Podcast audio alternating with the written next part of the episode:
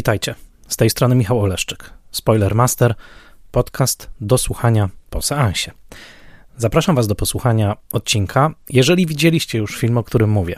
Ewentualnie, jeżeli nie boicie się spoilerów.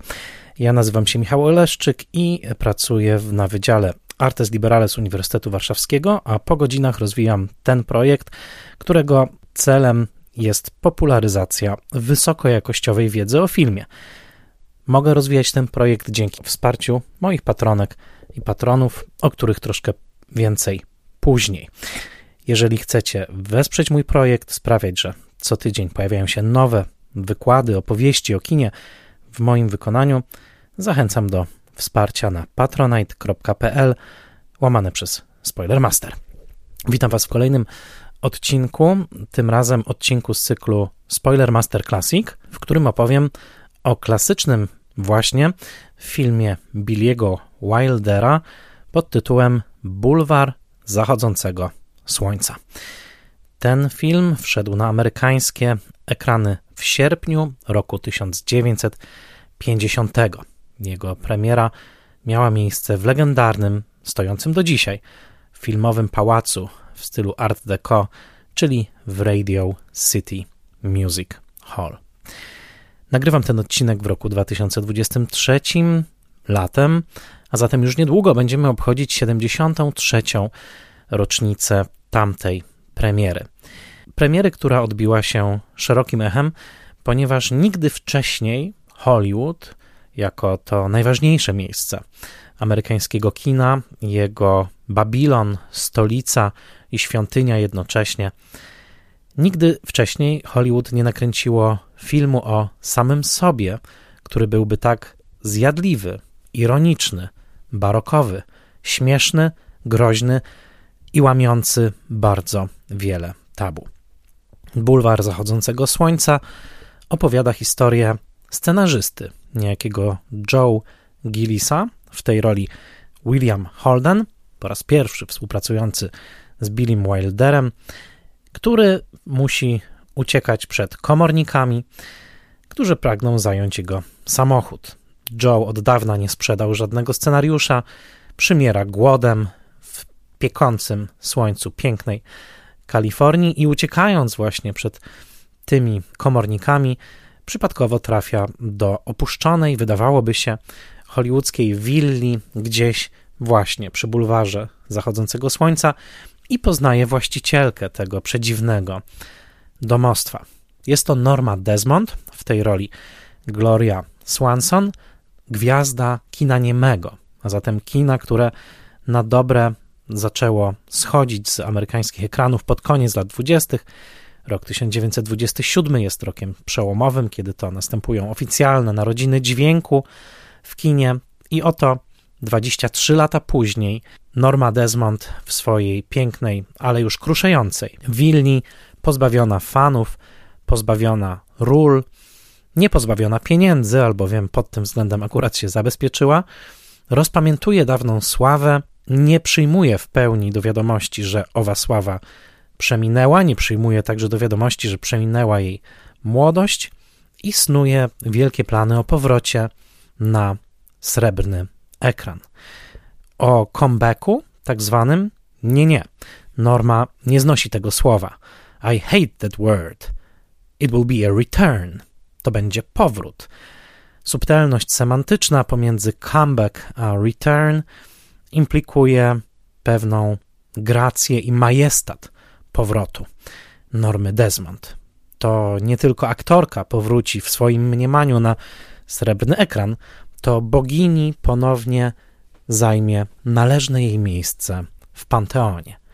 Kiedy tylko słyszy, że Joe, przypadkowy gość w jej willi, jest właśnie scenarzystą, postanawia powierzyć mu szczególną rolę, mianowicie Joe ma zredagować jej wielosetstronicowy scenariusz, który sama napisała do filmu mającego znaczyć jej powrót na ekran, to znaczy do filmu będącego opowieścią o losach Salome, która pod koniec historii całuje martwe usta głowy Jana Chrzciciela położone dla niej na srebrnej tacy. Tak zaczyna się bulwar zachodzącego słońca. Dzisiaj odpowiem Wam o tym, w jaki sposób ten film powstał, kto go stworzył, jakie były rozmaite konteksty jego powstania, a przede wszystkim postaram się Wam przybliżyć i uświadomić, dlaczego ten film był tak rewolucyjny, tak ważny, dlaczego Hollywood z jednej strony zachwyciło się odbiciem w lustrze, które zaprezentował im Billy Wilder i jego główny współscenarzysta, czyli Charles Brackett, a z drugiej strony to samo Hollywood poczuło się nieco urażone i już następnego roku, kiedy przyszła pora przyznawać Oscary, mimo że Bulwar został obsypany nominacjami, to jednak Hollywood postanowiło przyznać główną statuetkę i wiele innych statuetek filmowi Wszystko o Ewie Józefa Mankiewicza, o którym opowiadałem w wcześniejszym odcinku Spoilermastera. Odsyłam do tamtego odcinka. Tamten film opowiadał o zazdrościach, namiętnościach, podgryzaniu i rywalizacji w świecie teatralnym i chyba bezpieczniej było dla Hollywoodu początku lat 50. nagrodzić zjadliwy portret środowiska troszeczkę odległego od nich samych, nawet jeżeli owo środowisko w filmie Mankiewicza było zaledwie kostiumem, pod którym kryły się jak najbardziej hollywoodzkie namiętności, niesnaski i niechęci. Bulwar Zachodzącego Słońca jest filmem fascynującym, jest filmem, który obrodził ogromną ilością naśladowań, hołdów i parodii. W dzisiejszym odcinku na pewno nie wspomnę o nich wszystkich, ale zachęcam Was do poszukiwania także na własną rękę. Dodam, że w momencie, kiedy nagrywam ten odcinek w Polsce, Bulwar Zachodzącego Słońca jest dostępny na platformie Apple TV, a także na platformie Chili. W przygotowywaniu odcinka pomogły mi kilka publikacji, między innymi znakomite dwie biografie Wildera, jedna troszeczkę starsza, pióra Eda Sikowa, pod wiele znaczącym tytułem On Sunset Boulevard, The Life and Times of Billy Wilder i najnowsza biografia, dosłownie sprzed roku, Josepha McBride'a pod tytułem Billy Wilder, Dancing on the Edge. Warto wspomnieć o wartościowej książce polskiej o Billy Wilderze pod redakcją Marcina Pienkowskiego i Kamili Żyto. Ta książka nazywa się Billy Wilder, mistrz kina z Suchej Beskidzkiej. E, to już ponad dekadę temu wydało wydawnictwo Trio. I na pewno warto wspomnieć książeczkę BFI Film Classics, która ukazała się niedawno. Ta książka Stevena Kohana omawia na stu treściwych stronach najważniejsze konteksty bulwaru zachodzącego słońca. Mój bulwar zachodzącego słońca po raz pierwszy zaistniał w roku 1995, kiedy to telewizja polska wyemitowała cykl 100 na 100, czyli 100 filmów na stulecie kina. Ten film został wówczas w tym cyklu pokazany i od tamtego czasu bardzo często mi towarzyszył. Ten film to znakomity scenariusz, świetne, błyskotliwe, złośliwe dialogi, no i przede wszystkim ta wielka operowa niemal, ale także chwilami zahaczająca o ekspresję ekstremalną rodem z komiksu Eisensteina albo teatru kabuki, rola Glory Swanson e, jako Normy Desmond. Wspomnę jeszcze o jednej książce, być może o najważniejszej, mianowicie bardzo polecam wszystkim fanom Bulwaru Zachodzącego Słońca książkę sama Staxa. S-T-A-G-G-A-S, Stags, który napisał książkę Close Up on Sunset Boulevard. E, to jest autor, który też napisał pokaźną książkę o wszystko o Ewie, e, All About All About Eve a zatem autor, który opisał dwa najważniejsze hollywoodzkie filmy roku 1950 i dla fanów Bulwaru Zachodzącego Słońca książka Staxa to prawdziwa encyklopedia cudownych anegdot i ogromnej, głębokiej wiedzy. Także jeżeli ktoś wkręci się, mówiąc kolokwialnie, w Sunset Boulevard, to tę jedną książkę zdecydowanie polecam, bo jest to prawdziwe kompendium wiedzy. Zacznijmy może od reżysera i jego głównego współscenarzysty, bo to w ich głowach narodziła się przecież ta opowieść.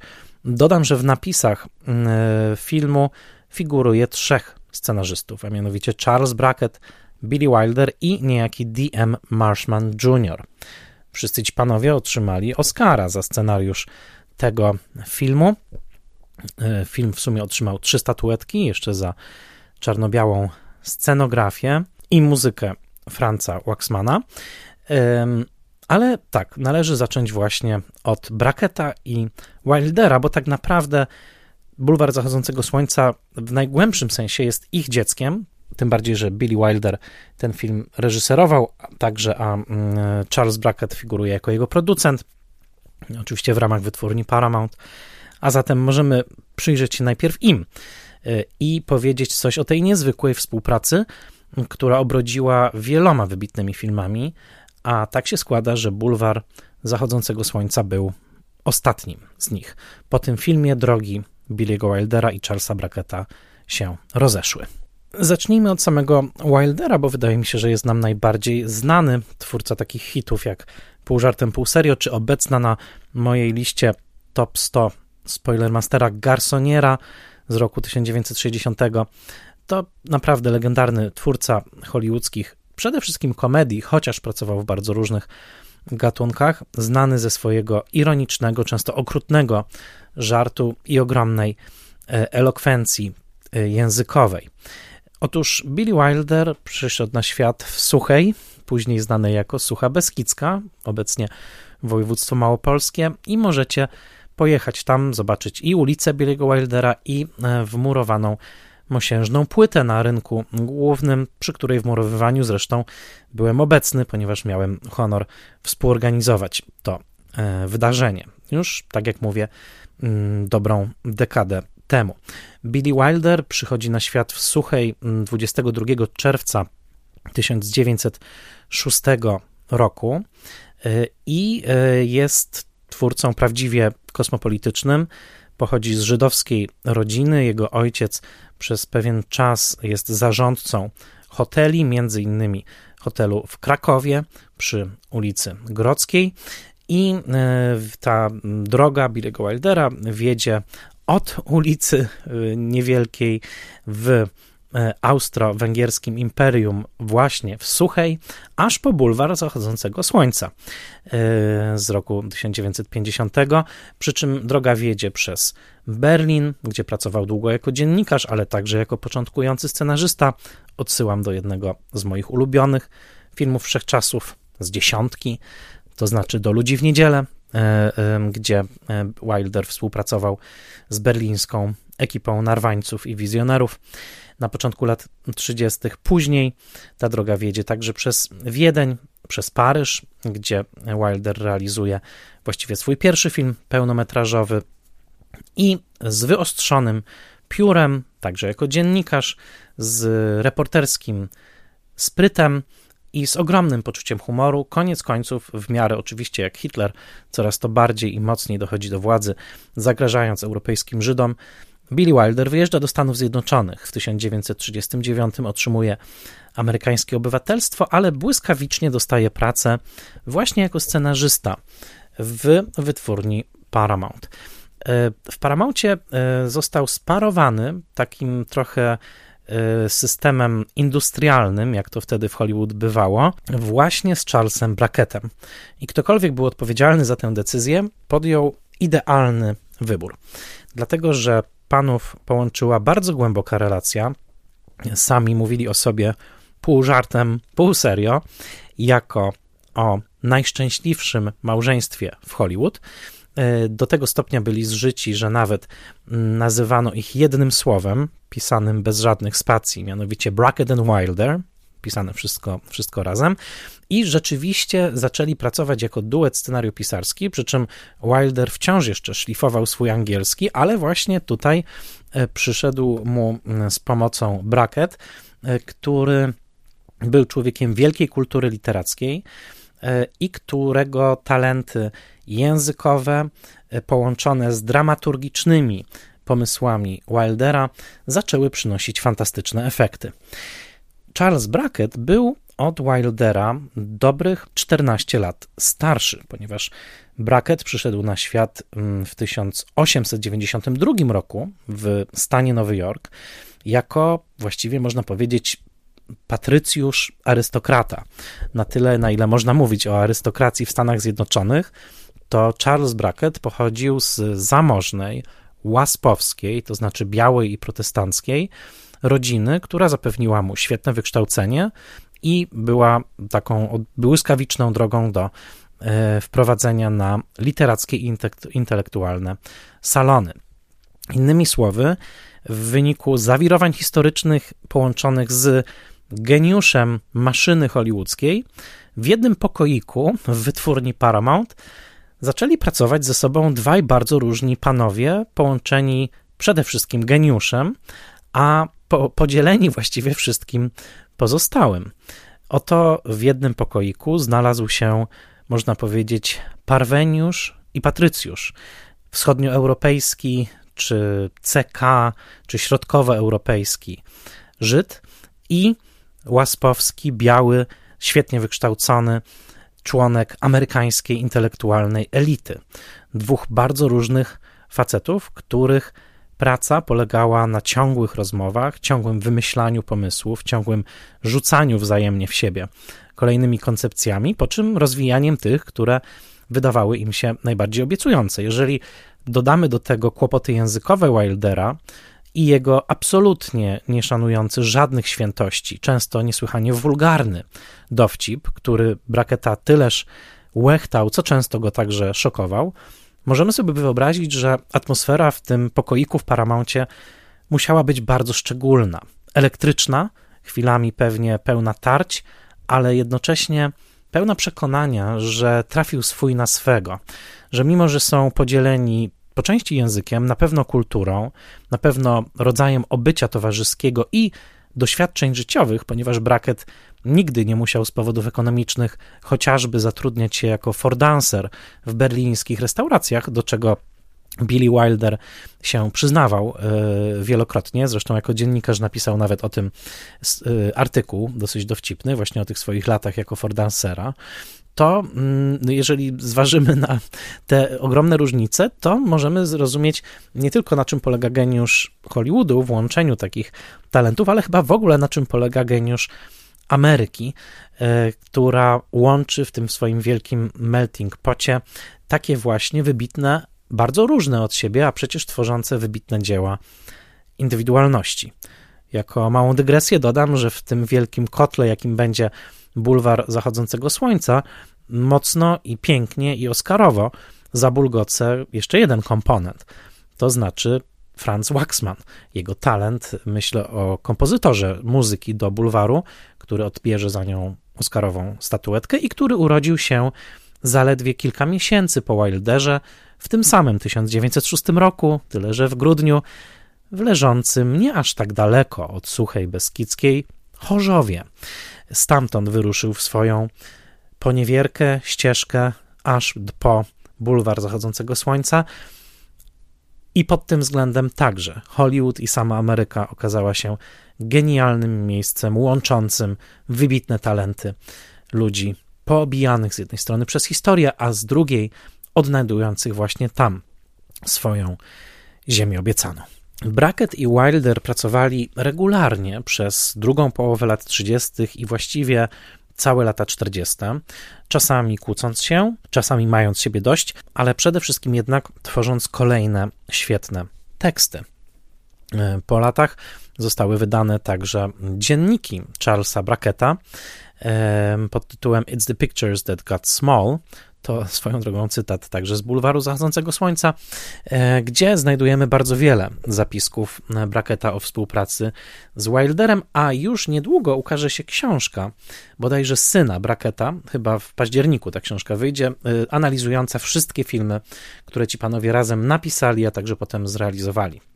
Ponieważ trzeba wam wiedzieć, że Paramount tak szybko rozeznał się w ich talentach, że dosyć szybko obdarzył ich także zaufaniem producenckim i reżyserskim, ale nawet przyglądając się liście scenariuszy, które napisali oni dla innych reżyserów, mamy fantastyczne współprace. Wymienię je tylko pobieżnie.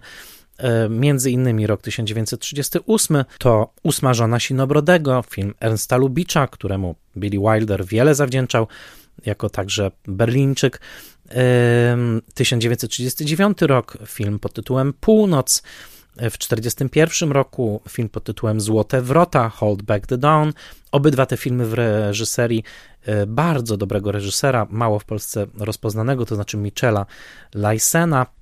I oczywiście na chwilę wypożyczeni przez Paramount wytwórni MGM napisali słynną Ninoczkę, w której, jak pamiętamy, po raz pierwszy zaśmiała się Greta, e, Greta Garbo. Ten film także wyreżyserował Ernst Lubitsch i w tym przeglądzie sprzed dekady, do którego zostałem zaproszony jako programer przez konsulat Stanów Zjednoczonych w Krakowie, e, pokazaliśmy ten film właśnie w hotelu przy Grodzkiej, e, gdzie mm, pracował ojciec Wildera, co było naprawdę niezapomnianym dla mnie wydarzeniem. Do dzisiaj jestem wdzięczny konsulatowi USA w Krakowie za to zaproszenie do wspólnej pracy. To były filmy pisane, ale nie reżyserowane. Przez Wildera, współpisane z Bracketem, ale od 1942 roku Billy Wilder staje się także reżyserem, a Brackett produkuje w ramach Paramountu większość filmów Wildera i tutaj pojawiają się tytuły, co prawda różnej jakości, zawsze dobre, czasem bardzo dobre, E, ale także tytuły, które już zaczęły przynosić Oscary. E, Wilder zaczyna od e, Wilder i Brackett, a właściwie powiedzmy tak jak mówiono wtedy w Hollywood, Brackett i Wilder zaczynają już z reżyserem Wilderem od filmu pod tytułem Major i Mała, filmu tyleż dowcipnego, co dzisiaj wydaje mi się niepokazywalnego ze względów obyczajowych. Odsyłam do streszczenia w internecie. 1943 rok to Pięć grobów w drodze do Kairu. 1944 to co prawda genialny sukces Wildera, podwójne ubezpieczenie, ale tym razem bez braketa. 45 rok to ich oscarowy sukces w postaci straconego weekendu, czyli najlepszego filmu roku wedle Akademii Amerykańskiej, i później Nieudany cesarski walc i bardzo udany romans zagraniczny, znany tak, także jako Sprawy zagraniczne, e, prowokacyjna komedia dziejąca się w tuż powojennym Berlinie i z genialną rolą Marleny Dietrich, śpiewającej innymi słynną piosenkę Black Market. E, to są współprace, oczywiście nie wymieniłem wszystkich tytułów, e, przy których pracowali razem, ale zwróćmy uwagę, że to jest ponad półtorej dekady regularnej, ciągłej współpracy i jednocześnie ciągłego rozwoju, zwłaszcza dla Wildera, ponieważ on zaczyna zasiadać także na reżyserskim stołku, ale ta współpraca była faktycznie e, bardzo udana. No i teraz dochodzimy do bulwaru, który zaczyna się rodzić, właściwie pierwszy taki embrion filmu powstaje gdzieś na przełomie roku 1939 i 40, kiedy to w notatniku Wildera można odnaleźć krótki pomysł. Ten pomysł brzmi: Gwiazda kina niemego popełnia morderstwo, kiedy przyjeżdżają reporterzy, gwiazda bierze kamery kroniki filmowej za kamery filmujące ją na planie. W dużym skrócie jest to opis ostatniej sceny Sunset Boulevard, w której Norma Desmond rzeczywiście e, myli kamery reporterów z kamerami hollywoodzkiej superprodukcji i pozwala się reżyserować obecnemu w scenie i grającemu samemu, samego siebie Cecilowi B. DeMille'owi, e, legendarnemu reżyserowi wielu bardzo wystawnych filmów i niemych, i później dźwiękowych, o którym jeszcze dzisiaj wspomnę. I'm ready for my close-up, Mr. DeMille. Jestem gotowa na moje zbliżenie. Panie DeMille, to najsłynniejszy finalny cytat z Normy Desmond padający w tym filmie. Ostatni obraz bulwaru zachodzącego słońca to właśnie Norma rozpływająca się w nieostrości obrazu w miarę jak zbliża się do kamery, czytaj do nas, patrzy na nas swoim wzrokiem zakochanej gorgony, pożera nas, nas, owych ludzi siedzących w ciemności, those wonderful people sitting in the dark, jak mówi o swojej publiczności, ale przecież także i o nas. Norma Desmond w swoim ostatnim zejściu po monumentalnych, operowych schodach. Ten pomysł już od 1939 roku był w głowie Wildera, pewnie także Bracketa, ale długo zajęło zanim panowie zaczęli rozumieć, czym tak naprawdę ten pomysł może być.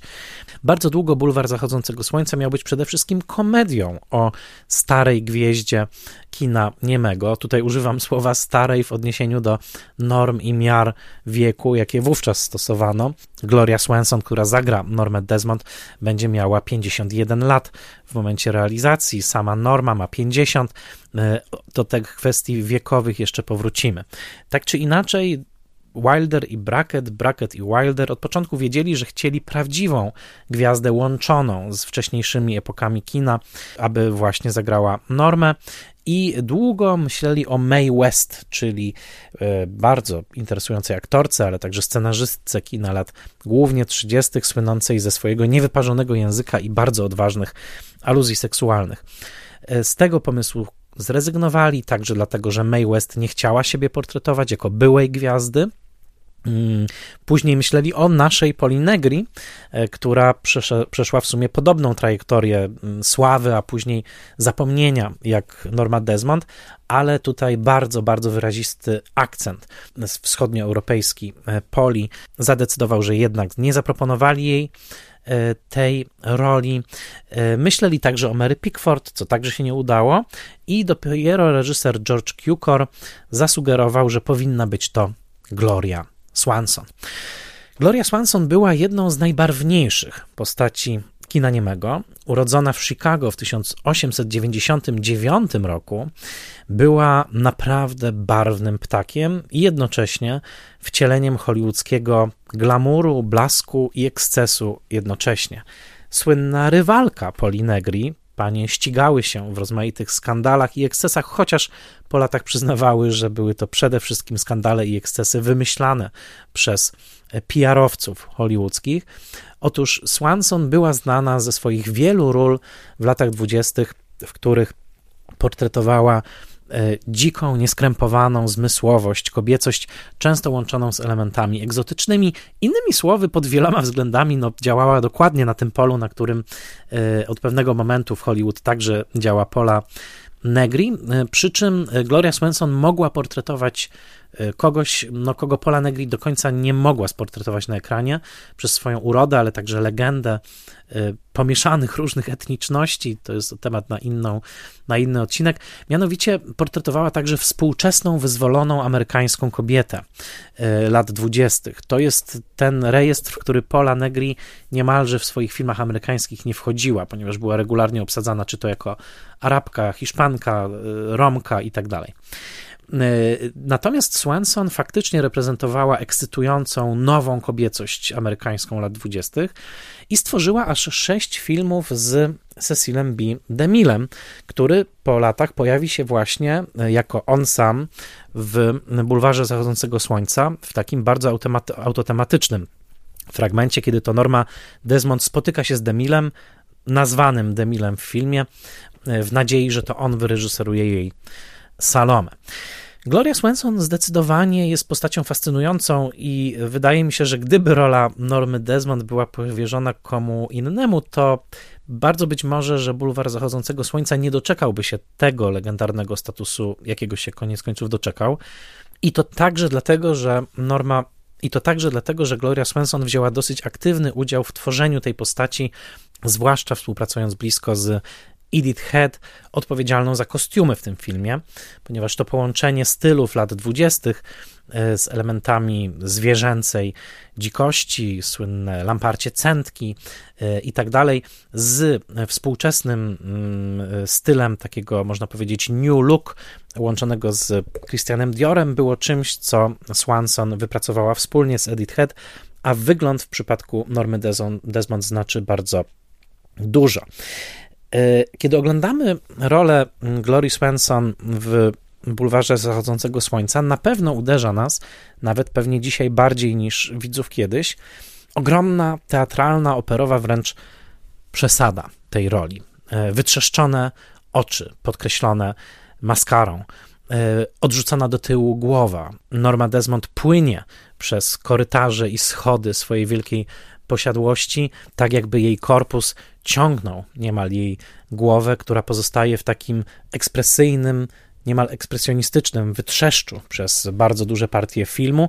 Nie pomylilibyśmy się, łącząc chwilami jej ekspresję z mm, ekspresją Konrada Wajta w gabinecie doktora Caligariego, czy wielu innych niemych filmów, w których właśnie dziko otwarte oczy i obnażone zęby w takim drapieżnym, niemal ociekającym zmysłowością i rządzą spojrzeniu są e, elementami e, stylu gry aktorki. Z drugiej strony jest to rola, która ma pewien potencjał komediowy, z którego Gloria Swanson zdawała sobie sprawę na planie i można uznać za rodzaj cudu, że Norma Desmond, mimo że tak mocno przerysowana, koniec końców nie jest karykaturą. Koniec końców, mimo całej swojej śmieszności, mimo całej swojej przesady, mimo histerycznych ruchów i mimo ogromnego wychylenia w stronę właśnie przesady ekscesu, nadal czujemy pewien prawdziwy tragizm tej postaci i patrzymy na nią jako na pełnowymiarową kobietę, a nie jako na parodię starej kobiety, która nie chce się pogodzić z upływem czasu. To swoją drogą wynik bardzo długiego scenariuszowego cyzelowania przez Wildera i Bracketa, ponieważ w momencie rozpoczynania zdjęć scenariusz nie był jeszcze do końca gotowy.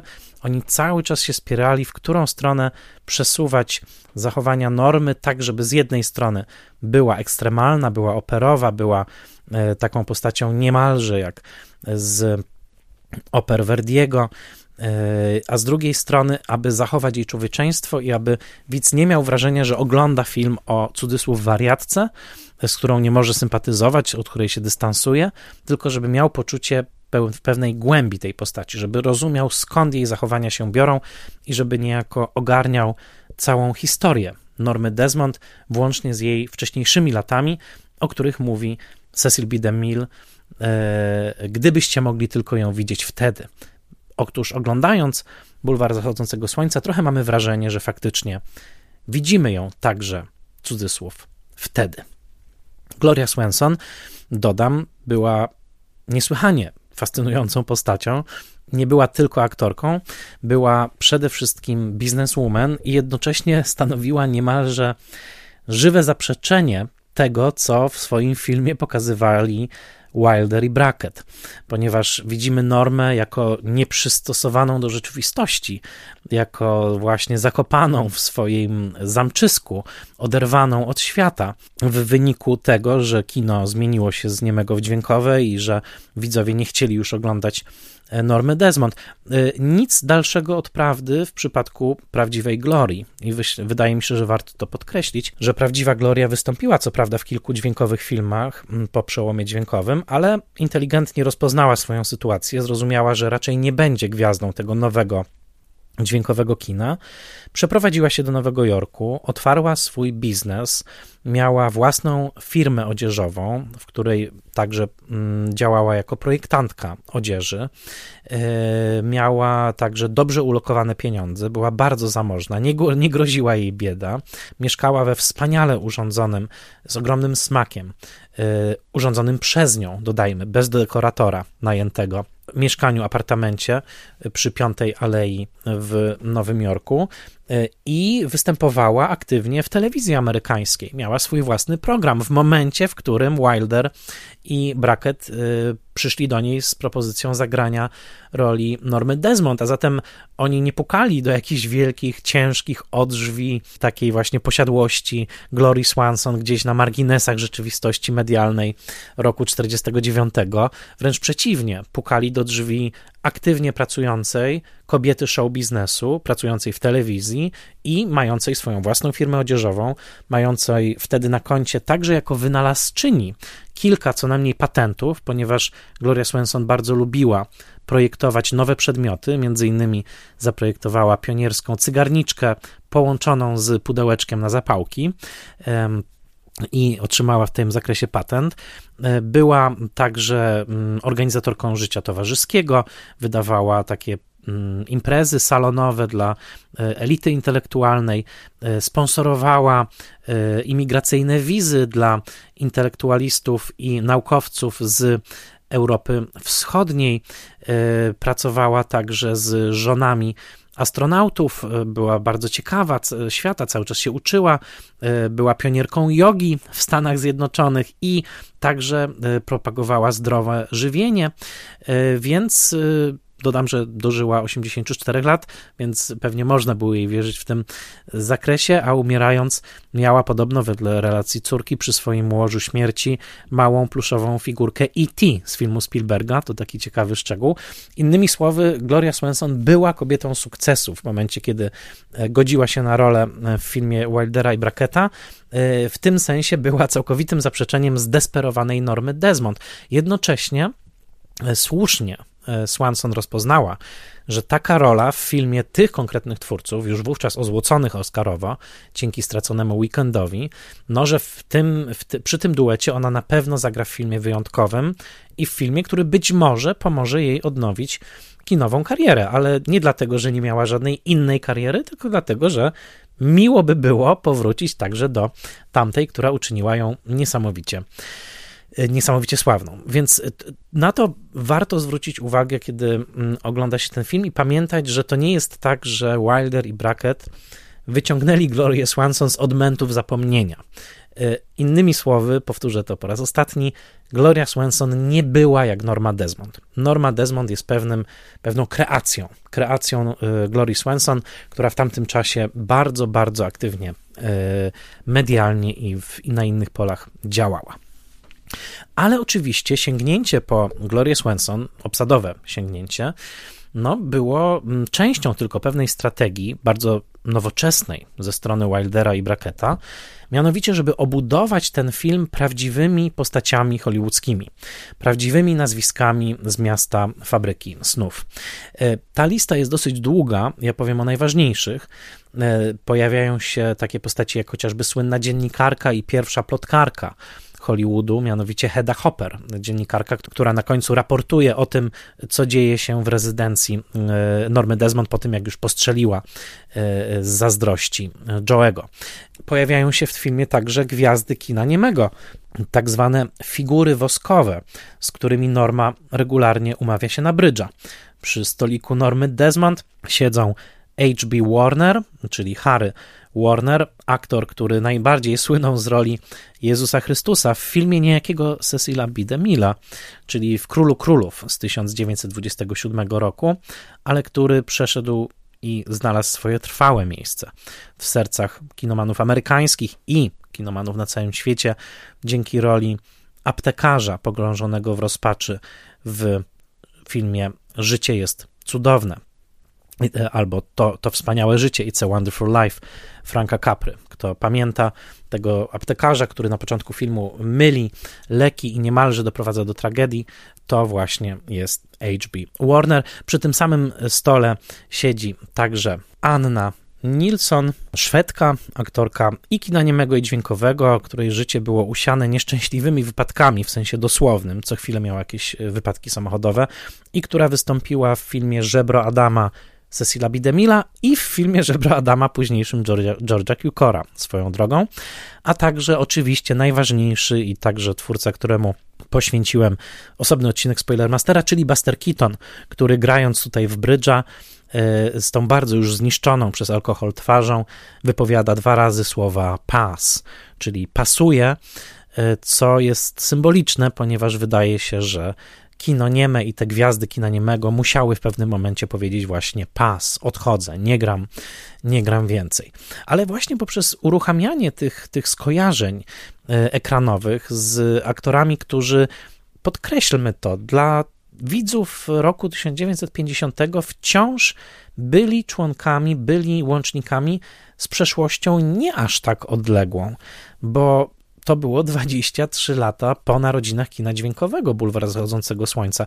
E, dla porównania, nasz rok, czyli rok 2023, w momencie kiedy nagrywam tę, audy audycję, e, dzieli na przykład od powstania filmu Titanic 25 lat, a zatem więcej lat niż dzieliło widownię Bulwaru Zachodzącego Słońca, widownię premierową, od końca kina niemego. A zatem, gdyby dzisiaj ktoś nakręcił film e, o tym, że nie wiem, Kate Winslet i Leo DiCaprio, prawda, są aktorami, którzy już, nie wiem, nie funkcjonują, czy nie wiem, jakby, gdzie mogę pociągnąć to, to porównanie, ale tak najkrócej rzecz mówiąc, jesteśmy my dalej czasowo od filmu Titanic Jamesa Camerona, niż byli widzowie bulwaru od kina niemego w momencie, kiedy ten film miał swoją premierę, a zatem pamiętajmy, że dla widzów te pojawienia się były ważne, one były rozpoznawalne, one były łącznikiem z czym wciąż pamiętanym, mimo że oczywiście rewolucja technologiczna była tak ogromna, że mogło się wydawać w 1950 roku, że kino nieme było dawno, dawno za siedmioma górami i siedmioma lasami, ale częścią geniuszu bulwaru zachodzącego słońca, o czym wspomina James Hoberman, jest właśnie to, że jest to właściwie pierwszy hollywoodzki film, w którym Hollywood myśli o samym sobie jako o miejscu posiadającym historię.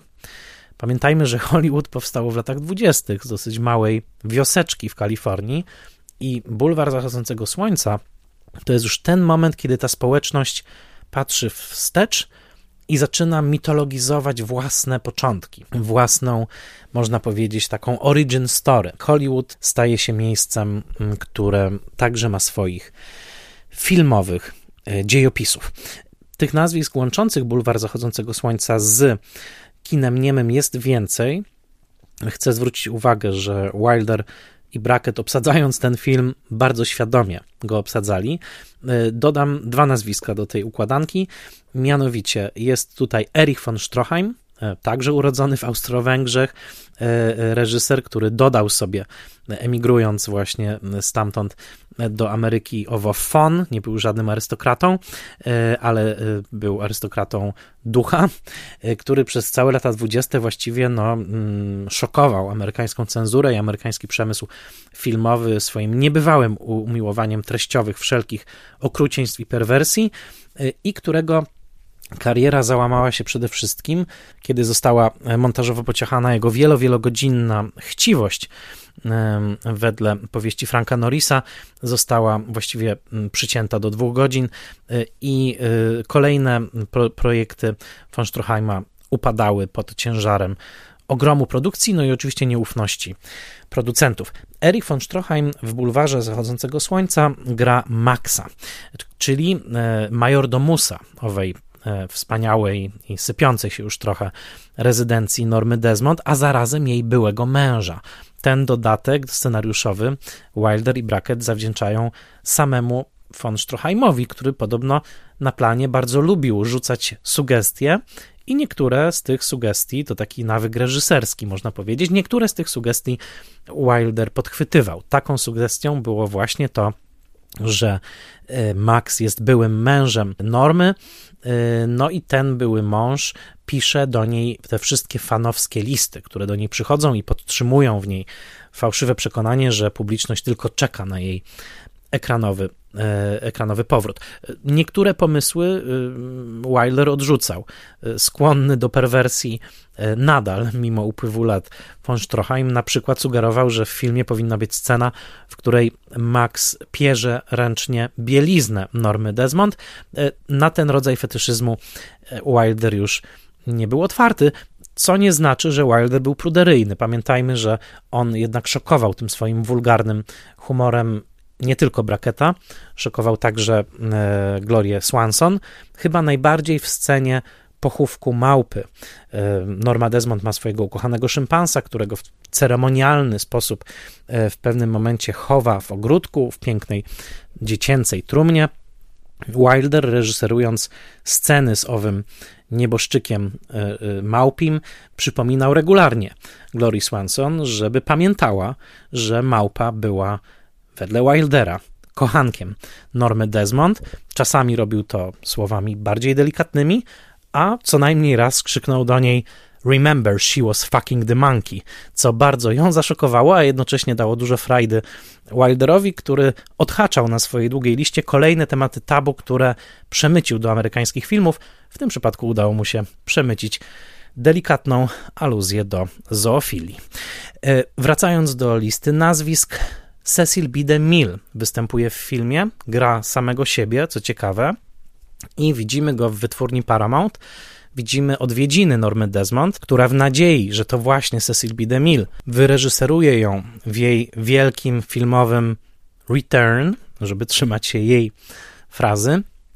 Otóż DeMille faktycznie tu się pojawia, faktycznie widzimy go w jednej z hal zdjęciowych Paramountu, jak reżyseruje prawdziwy film pod tytułem Samson i Dalila, który faktycznie wszedł na ekrany w ten sam rok, co Bulwar Zachodzącego Słońca. Zresztą Edith Head, kostiumografka, pracowała także przy tym filmie, e, co ciekawe, i doczekała się Oscara za barwne kostiumy do tegoż filmu Demila. Co prawda, ta scena, którą my widzimy, bo wchodzimy razem z Normą Desmond do hali zdjęciowej, widzimy kręcenie, to zostało zainscenizowane już na potrzeby Wildera, ale są tam aktorzy, scenografia, kostiumy właśnie z Samsona i Dalili. Innymi słowy, no, Wilder tutaj bardzo współcześnie gra z widzem, pokazując mu słynnego reżysera pracującego właściwie nad filmem, który widzowie mogli oglądać w kinach dokładnie w tym samym czasie. E, Demil jest tutaj pokazany jako bardzo ciepły, nie był znany z ciepła w swoim życiu prywatnym i zawodowym, wręcz przeciwnie, e, i troskliwy w stosunku do normy. E, kiedy widzi normę po raz pierwszy, woła do niej: Witaj, młody człowieku.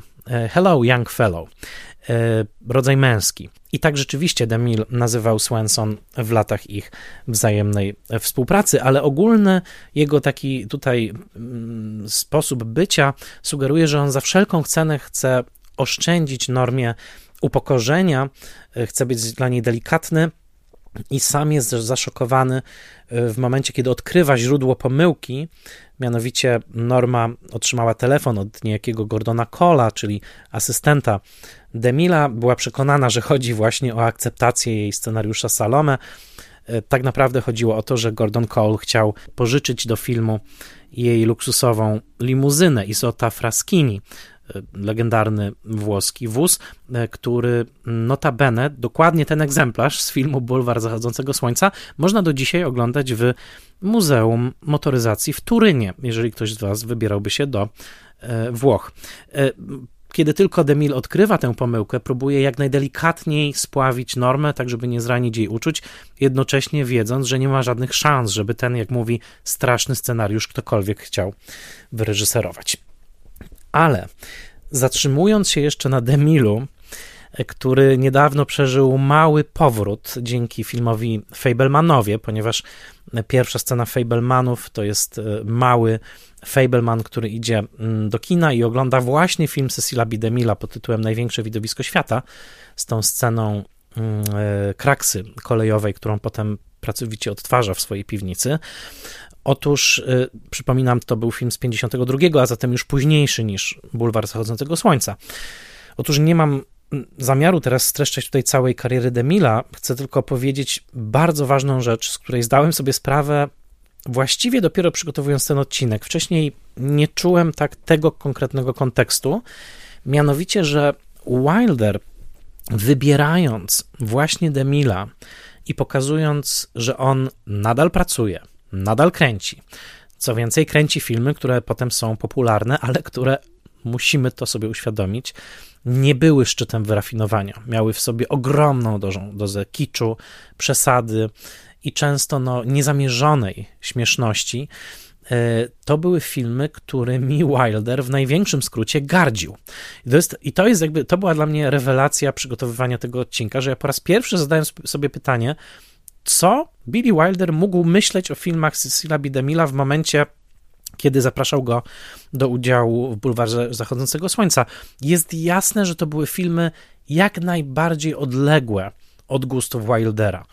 Pompatyczne, kaznodziejsko-chrześcijańskie, mimo wszelkich prywatnych grzechów Demila kiczowate, koturnowe, e, pełne przesady. To nie znaczy, że Demil nigdy nie zrobił dobrego filmu, ponieważ kilka co najmniej zrobił. Odsyłam do chociażby Kleopatry z 1934 roku, ale jednak było to kino jak najdalsze Wilderowskiemu. I tak zastanawiałem się nad tym, czytając też e, książkę Staxa, zaglądając do Josepha McBride'a i nagle mnie uderzyło, że Wilder przekazuje tym epizodem Cecila Bidemila bardzo gorzką obserwację na temat Hollywood końca lat 40., ponieważ wystarczy sobie przypomnieć ową zniszczoną twarz Bastera Keatona w scenie brydża, ewentualnie gorzką i zamkniętą w sobie twarz Erika von Stroheima jako, uwaga, lokaja w domostwie Normy Desmond, żeby usłyszeć, jak przez mgłę, jak przez jakąś otulinę,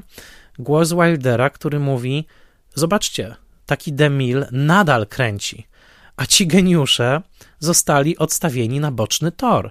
Stroheim już nie kręci, Keaton w zasadzie został relegowany do e, naprawdę niegodnych jego talentu projektów, a w latach późnych 40. już go w ogóle właściwie nie było. Był gagmanem, odsyłam do odcinka o Kitonie.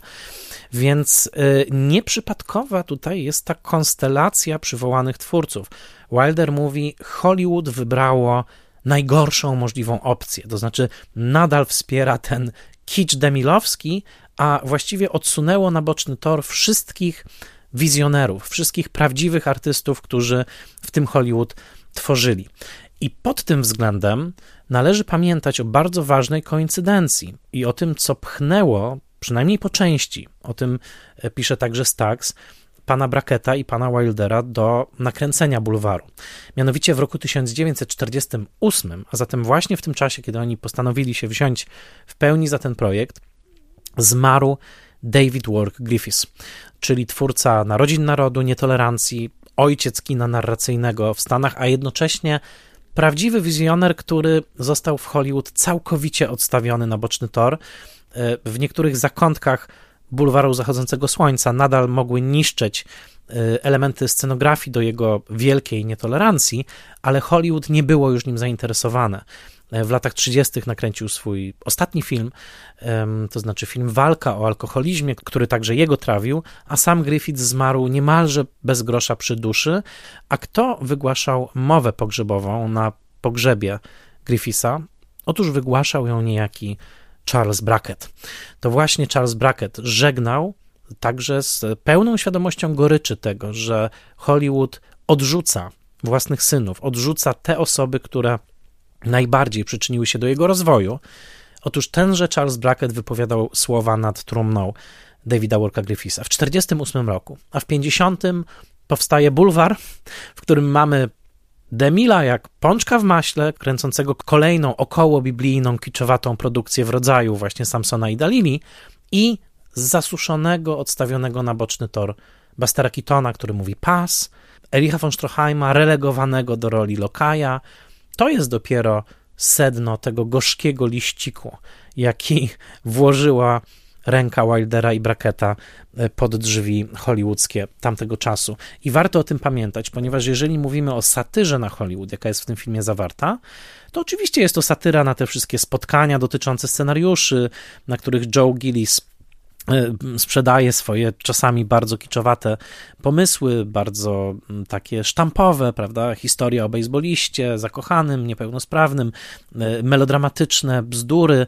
e, które to Hollywood produkuje na potęgę. Sam Joe Gillis żartuje, że napisał film, a potem go nie rozpoznał na ekranie, ponieważ tak dużo zaszło zmian.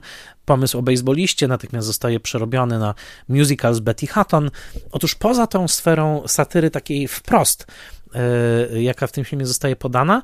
Jest jeszcze ta satyra bardziej subtelna, ale trafiająca do adresatów wewnętrznych, to znaczy rzeczywiście dla hollywoodzkich twórców, mianowicie taka. Pozwoliliście tak pięknie rozkwitnąć Demilowi, który jako już nawet stary reżyser może kręcić kolejne e, swoje filmy, a tych największych odstawiliście na boczny tor. Dodam, że dwa lata później, kiedy Demil nakręci największe widowisko świata, Wilder będzie naprawdę głęboko zniesmaczony tym filmem. Zresztą do dzisiaj się mówi o największym widowisku świata jako jednym z najgorszych filmów, które dostały Oscara za najlepszy film.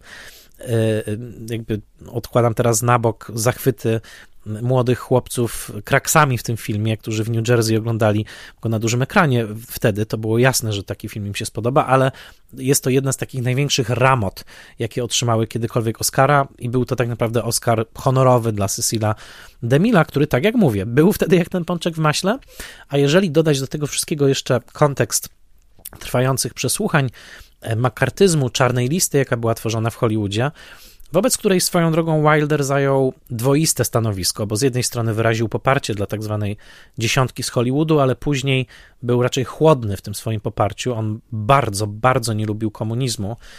Obejrzyjcie Ninoczkę i nigdy tak bardzo nie sympatyzował nawet z tymi lewicującymi e, scenarzystami Hollywoodu. To też ciekawy paradoks i godny pogłębienia. E, to zrozumiemy, jak bardzo mm, e, aktualnym filmem był Bulwar Zachodzącego Słońca. Na wielu poziomach był to także list do społeczności Hollywoodu. Spośród tych wszystkich elementów e, z prawdziwej historii niemego Hollywoodu, które e, Wilder włączył w swój film, na pewno jest jeden, który bardzo wyraźnie odstaje, który jest nie tylko nawiązaniem, jest nie tylko ukłonem, jest nie tylko przywołaniem konkretnej osoby, zaproszeniem jej na plan, ale który jest faktycznym pokazaniem fragmentu niemego filmu. Jedna sprawa, że Norma Desmond w pewnym momencie odgrywa czeplinowski slapstick e, i zmienia się na naszych oczach w Charliego, dorysowuje sobie wąsik, bierze laseczkę, melonik. Gloria Swanson potrafiła to robić, zresztą zrobiła już taką czeplinowską parodię w 1924 roku w filmie Manhandled Alana Duana ale zupełnie czym innym jest pokazanie w ramach bulwaru zachodzącego słońca fragmentu innego filmu niemego. E, I to jest scena, w której Max wyświetla dla Joe'ego i dla Normy fragment filmu pod tytułem Królowa Kelly, w którym rzeczywiście Gloria Swanson zagrała i który, uwaga, Erich von Stroheim wyreżyserował. Niesamowita scena w bulwarze to scena, w której Norma jest wpatrzona w swój własny młody obraz rozmodlonej zakonnicy, która w ramach tego naprawdę szalonego filmu odziedziczy dom publiczny w Afryce i będzie go prowadzić. Będą tam też sceny sadomasochistyczne. E, czysty sztrochaim, jednym słowem. Otóż Norma jest zaczarowana obrazem samej siebie na ekranie. Wpija paznokcie w ramię Joe'ego, który siedzi obok niej, i chłonie własny obraz, ale co ciekawe, Stroheim też chłonie ten obraz, ponieważ to jest jego film, to jest jego wizja, dosłownie, ponieważ to faktyczny fragment Królowej Kelly. I teraz ciekawy paradoks. Jak to się stało, że Królowa Kelly w zasadzie była filmem niedokończonym? E, dlaczego ten film był okaleczony? Dlaczego nigdy nie funkcjonował w pełnej wersji? To jest też coś, czego się nauczyłem dopiero czytając więcej o tym filmie e, do tego odcinka. Otóż zawsze myślałem, no tak, no, zły producent na pewno, prawda, mm, pociągnął za kabel, wyłączył światło, zamknął tę produkcję. E, tak, to prawda, producent nie wytrzymał w pewnym momencie ekscesów Stroheima. Ale kto był tym producentem filmu? Kto dał pieniądze na ten film? Kto powiedział w pewnym momencie kończymy? Producentką tego filmu była Gloria Swanson. To był dla mnie ciekawy, ciekawy element. Kiedy się o tym dowiedziałem, głowa mi eksplodowała, bo zawsze myślałem, że ta scena ma powiedzmy tylko dwie warstwy, tak? To znaczy warstwę fabuły bulwaru i warstwę tego, że obydwoje pracowali przy Swanson i Stroheim pracowali przy królowej Kelly. Natomiast z tą wiedzą, to że ona w pewnym momencie musiała domyślam się, że podjęła dobrą decyzję biznesową, że e, ten film w pewnym momencie przerwała. No to wyobraźcie sobie atmosferę w momencie realizacji tej sceny w roku 50, kiedy Stroheim na pewno ze złamanym sercem, bo serca reżyserów, którym odebrano filmy, nigdy się nie zrastają. E, no, gra scenę z Glorią Swanson, która z jednej strony była jego gwiazdą, ale która także była jego producentką i która ukróciła ten film musiało być bardzo ciekawie tego dnia e, na planie. Właśnie zdałem sobie sprawę, że już niemal od godziny mówię do Was o bulwarze, a ani razu nie wspomniałem o postaci Betty Schaefer, czyli aspirującej scenarzystki, którą gra tutaj Nancy Olson, która też doczekała się nominacji Oscarowej za tę drugoplanową rolę żeńską ale to chyba nie przypadek, dlatego że postać Betty jest jednocześnie kreślona jako postać inteligentnej profesjonalistki, w której w pewnym momencie nawet Joe się zakochuje, ale w obrębie samego filmu, w obrębie jego galaktyki, nie ma żadnej konkurencji między Glorią Swanson i Nancy Olson. Nancy Olson jest bardzo zwyczajna w tej roli. Nie jest hollywoodzką pięknością, nie jest fotografowana jak hollywoodzka piękność. Reprezentuje, można powiedzieć, taką zwykłość zdrowego rozsądku i jednocześnie dużą inteligencję literacką. Ale nikt, kto myśli o bulwarze zachodzącego słońca, nie pomyśli o Nancy Olson jako o takim erotycznym centrum tego filmu. Erotyczne centrum tego filmu to jest nadal norma. I tutaj wracam do tej kwestii wieku. Gloria Swanson była wtedy w wieku, który był już postrzegany w Hollywood jako, jako starszy dla kobiet, ale to ona jest tutaj tym ośrodkiem energii seksualnej w tym filmie. To ona najmuje sobie w pewnym momencie Joe w zasadzie jako e, swojego e, żigolaka.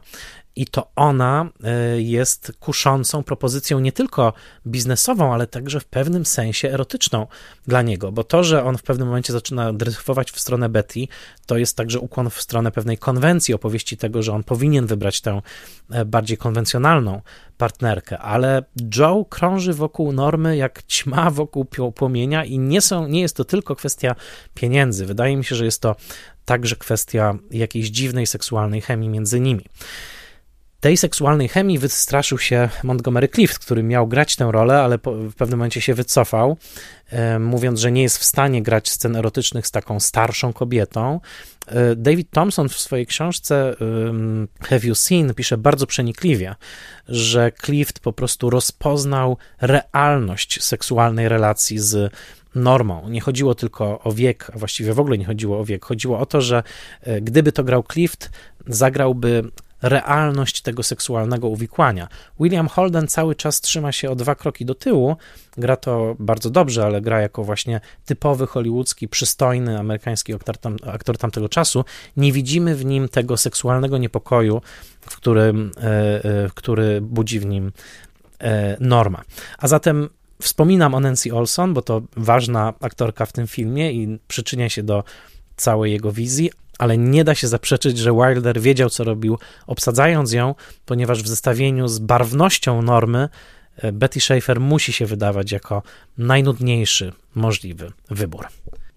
Bulwar zachodzącego słońca, jako się już rzekło, wszedł na nowojorskie ekrany e, w sierpniu 1950 e, roku Hollywoodzka premiera była dużym wydarzeniem, ale film już wcześniej był pokazywany na prywatnych pokazach, które miały pobudzić pocztę pantoflową, no bo wszyscy chcieli w Hollywood zobaczyć film, który był niemalże stworzony do hodowania kolejnych plotek i pikantnych telefonów, kto z kim, kto został jak przedstawiony i tak dalej. 10 nominacji Oscarowych, 3 statuetki, bardzo dobre recenzje i niezłe wyniki kasowe zwłaszcza po tym, kiedy Wilder zrezygnował z e, sekwencji wstępnej po pokazach testowych. Ta sekwencja wstępna miała w duchu czarnego humoru pokazywać trupa Joe Gillisa w kostnicy Los Angeles, jak zaczyna rozmawiać z innymi trupami i zaczyna im opowiadać swoją historię. E, to zostało zmienione, ale mimo to należy się bulwarowi palma pierwszeństwa, jeżeli chodzi o jednego z najoryginalniejszych narratorów w historii kina, ponieważ jest to film opowiadany w całości przez trupa. Film zaczyna się Joe Gillisem pływającym w basenie e, i jak sam e, Billy Wilder mówił, dla niego zawsze była to historia tego basenu. To znaczy scenarzysta w Hollywood, ten biedny, głodujący scenarzysta mieszkającym kątem w jakimś wynajętym pokoju, marzy, żeby mieć willę z basenem. He dreams of a pool.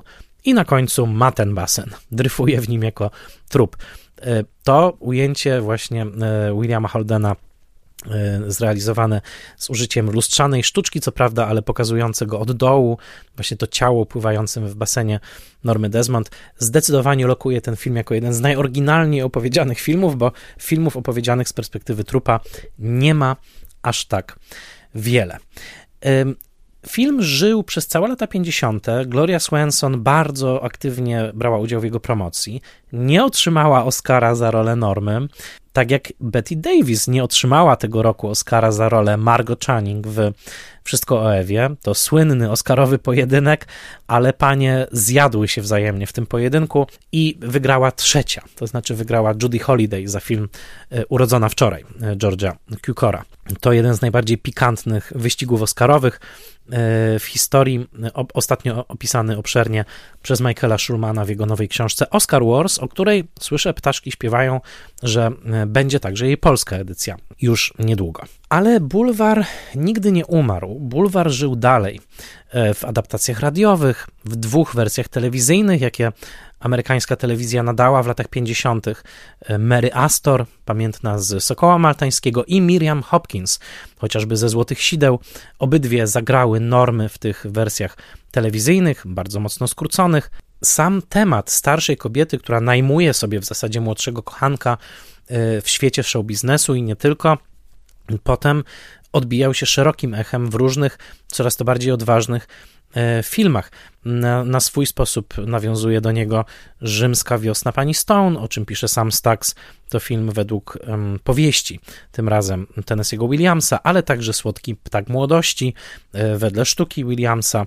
E, tych nawiązań jest oczywiście więcej. Sam Wilder wróci do bulwaru zachodzącego słońca po latach w filmie Fedora, który będzie jego przedostatnim filmem, w którym znowu zagra William Holden, i który znowu będzie refleksją na temat gwiazdorstwa i przeszłości Hollywoodu, tym razem utrzymanego już w tonie pogrzebowo-elegijnym, a nie w tonie gryzącej, nawet operowej satyry.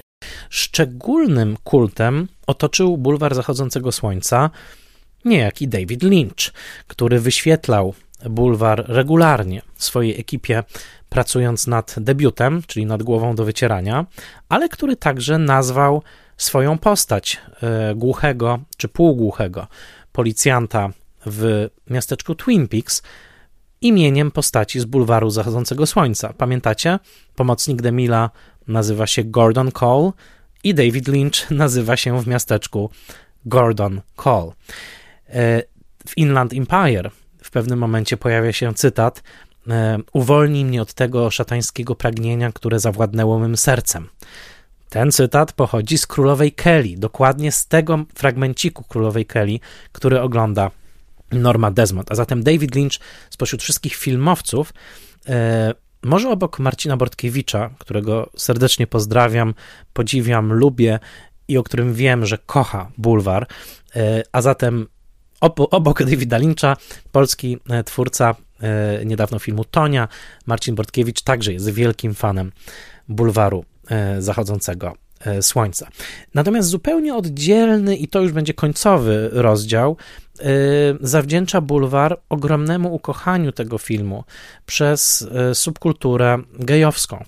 E, przede wszystkim przez homoseksualnych mężczyzn i drag queens, które bardzo chętnie wcielały się na scenach rozmaitych, nie tylko nowojorskich klubów, w tą przerysowaną kobiecą postać, jaką właśnie jest Norma, która nie może się pogodzić z utratą młodego kochanka i zabija go, jak w operowym geście, byle żeby tylko nie pozwolić mu wydostać się z jego ze swojej e, posiadłości, no to była stworzona rola właśnie dla drag queens, a zatem było wiele takich wcieleń. Natomiast kto wie, czy nie najbardziej fascynująca historia rozegrała się pomiędzy samą Glorią Swenson, a dwójką mm, homoseksualnych artystów, muzyków przede wszystkim, ale jeden z nich miał także background aktorski, mianowicie między Richardem Stapleyem i Dixonem Hughesem. I tutaj odsyłam do filmu, nowego filmu dokumentalnego. On się nazywa Boulevard, A Hollywood Story. Możecie go oglądać między innymi, on jest do wypożyczenia za 10 zł na Apple TV+. Co za historia. Krótka, krótka zajawka, bo wszystkiego nie opowiem, musiałbym zrobić oddzielny odcinek. Otóż Glory Swanson w latach 50. bardzo zależało, żeby zrealizować musical broadwayowski na podstawie bulwaru nigdy nie zdobyła praw do tego musicalu od Paramountu. Wiele lat później zrobi swój musical Andrew Lloyd Webber i tam będzie dużo walk pomiędzy Glenn Close i Patti LuPone. Oddzielny temat. Ale Gloria nie zadbała o prawa od Paramountu, trochę twierdzi, myślała, że na pewno je dostanie, ale wynajęła właśnie duet y, muzyczny, kompozytor i librecista Stapleya i Hughesa, którzy nie mieli dużych sukcesów na koncie, ale którzy mieli zapał i na początku lat 50. ona wynajmuje ich, żeby stworzyli musical pod tytułem Boulevard e, i zaczyna z nimi próby. E, jeździ do Palm Springs, zamyka się z nimi w willi, oni piszą kolejne piosenki, między innymi Those Wonderful People Out There in the Dark. Co ciekawe, nagrywa tę sesję. Jej ogromne archiwum, potem przekazane Uniwersytetowi w Teksasie, jest grane w tym filmie. Można usłyszeć raczej operetkowy, trochę śmieszny głos mm, Glory Swanson śpiewającej te różne partie muzyczne, ale co ciekawe, i to jest naprawdę tutaj, nie chcę spoilować, więc tylko to, to zaznaczę. Richard Stapley i Dixon Hughes, którzy zamykają się z Glorią, e, to w jej nowojorskim mieszkaniu, to właśnie w willi w Palm Springs, zaczynają doświadczać sytuacji z pogranicza Joe Gillisa i Normy Desmond. To znaczy, na ich oczach, jak twierdzili, Gloria zaczyna się przekształcać w normę. Włącznie z tym, że pewnego dnia kupiła kilka kurczaczków od farmera, którego mijali na drodze. Przypadkowo rozdeptała jedne, jednego, jedno z tych piskląt swoim, swoją szpilką, swoim sztyletowym obcasem i natychmiast wpadła w histerię i postanowiła urządzić poważny, bardzo wystawny pogrzeb temu pisklakowi.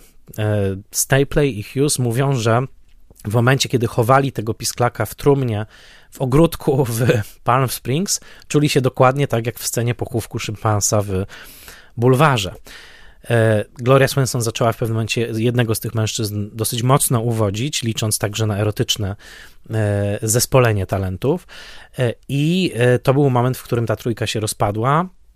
Więcej zobaczycie w tym filmie, bo jest tam dosyć poruszający i tak naprawdę smutny wątek osobisty pomiędzy tymi dwoma mężczyznami. Tego nie zaspoiluję, ale cała ta przygoda z Glorią Swenson, próbującą wskrzesić nie tylko treść, ale najwyraźniej także e, fabułę w realu Bulwaru Zachodzącego Słońca jest naprawdę bardzo ciekawa. Film jest zrobiony trochę amatorsko, mówię to w dobrym sensie. Zrobił go Jeffrey Schwartz, który najwyraźniej nie jest jakimś profesjonalnym filmowcem, więc jest tam trochę takich przejść dosyć prostych, e, montażowych ale bardzo chcę Wam polecić, bo ten film pokazuje też w jaki sposób e, ten, te, te, ta legenda żyła w życiu samej e, Glory Swanson. Tak jak wspomniałem, kultura gejowska ten film ukochała. E, i nawet powstał w 1994 roku gejowski film pornograficzny pod tytułem Sun Sex Boulevard, w którym w swojej willi żyje niejaki Norman Desmond i w pewnym momencie pojawia się tam młody mężczyzna, resztę możecie sobie dopowiedzieć. Tak jak Norma Desmond narzekała, że e, w filmach e, dźwiękowych jest już tylko gadanie, gadanie, gadanie, czyli talk, talk, talk, tak Norman Desmond narzekał, że w nowych filmach pornograficznych jest tylko gadanie, gadanie, gadanie, czyli talk, talk, talk, podczas kiedy powinien być kok, kok, kok. Odsyłam do słownika języka angielskiego. E, pokazuje to po prostu, jak wszedł ten film w krwiobieg mm, kultury popularnej, kultury, subkultury także gejowskiej. E, Norma Desmond była potem wielokrotnie parodiowana także w telewizji amerykańskiej, najczęściej przez komiczkę Carol Burnett, ale także bulwar stał się punktem odniesienia egzystencjalnym, wręcz przedmiotem kultu i jak pisze sam Stax, nawet w ramach tak zwanej słynnej kołdry czy kapy, quilt, e, e, złożonej z poszczególnych dzierganych paneli, tak zwanej AIDS quilt, która upamiętniała ofiary AIDS od 1985 roku wzwyż. Na jednym z tych paneli wyszyto napis I'm ready for my close-up, czyli czekam na swoje zbliżenie w tym przypadku zrównane ze śmiercią, e, w takim właśnie bardzo wzniosłym geście, i to pokazuje, że norma po prostu weszła e, do e, także tego, w jaki sposób ofiary AIDS mówiły o sobie. Tym akcentem zakończę, ponieważ jeżeli ktoś, no, upamiętniając utraconą osobę, wypisuje na właściwie rodzaju nagrobku, jakim była ta słynna quilt cytat z filmu, to wydaje mi się, że ten film doczekał się pewnego rodzaju uświęcenia czy włączenia do takiego właśnie porządku egzystencjalnego, niemalże religijnego. Myślę, że Norma jest rodzajem boginki. Sam e, Wilder mówił o niej, że jest to zdetronizowana królowa. Myślę, że spokojnie mogłaby doczekać się jakiejś nowej wersji. Ja bym chętnie zobaczył nowy Bulwar Zachodzącego Słońca, ale ktokolwiek ten film zrobi, to zawsze najważniejsze będzie to, kto zagra normę. Tutaj e, Billy Wilder i Charles Brackett e, postawili wspaniały pomnik i jednocześnie wskrzesili na nowo wizerunek filmowy, kinowy Glory Swanson w przedziwnym gabinecie czasami krzywych luster, jaki wystawili e, Hollywoodowi ci niezwykli twórcy, którzy po tym filmie się rozstają, już nigdy razem nie pracują. Różne mogą być źródła tego rozstania. Sam Billy Wilder mówił: Wiecie, jak to jest z pudełkiem od zapałek. Bierzesz zapałkę, pocierasz osiarkę i jest płomień. Bierzesz kolejną, pocierasz i jest płomień. Robisz tak wiele razy, ale któregoś dnia wyjmujesz z tego pudełka zapałkę, pocierasz o ten plasterek siarki i płomienia już nie ma. Tak było ze mną i z Bracketem. Przestaliśmy iskrzyć. Ten odcinek został napisany i wyreżyserowany przeze mnie, jeżeli był to bulwar spoilermasterowego Słońca, ale pamiętajcie, że producentami tego odcinka, to znaczy tymi, którzy umożliwiają mi pracę nad tymi odcinkami, są patronki i patroni w patronite.pl. Bardzo im tu dziękuję. Szczególnie dziękuję producentom tego odcinka e, w postaci moich patronek i patronów imiennych. Dziękuję Agnieszce Egeman, Sebastianowi Firlikowi, Joannie i Dominikowi Gajom, Odiemu Hendersonowi, Beacie Hołowni, Adamowi Andrzejowi Jaworskiemu, Annie Jóźwiak, Tomaszowi Kopoczyńskiemu, Jarkowi Krauzowi, Misiowi, Misiowej i Misiowi Juniorowi, Jakubowi Mrozowi, Iwonie Oleszczuk-Jaźwieckiej, Annie i Krystianowi Oleszczykom, Władimirowi Panfiłowowi, Tomaszowi Pikulskiemu, Weronice Więsyk, Jackowi Wiśniewskiemu, Michałowi Żołnierukowi i blogowi Przygody Scenarzysty, prezentującemu analizy scenariuszowe. I zanim zakończę ten odcinek, zacytuję najsłynniejsze zdanie Normy Desmond, kiedy Joe Gillis mówi jej: A, byłaś gwiazdą, byłaś kiedyś wielka. Ona odpowiada: I am big. It's the pictures that got small. Jestem wielka. To filmy stały się małe. Czy filmy stały się małe, czy maleją z latami, czy się powiększają? Bulwar zachodzącego słońca pozostaje tak samo wielki, tak samo śmieszny, tak samo przerażający, tak samo wspaniały. Polecam Wam spotkanie z tym filmem i polecam powroty do niego. A kolejny Spoilermaster już za dwa tygodnie. Do usłyszenia.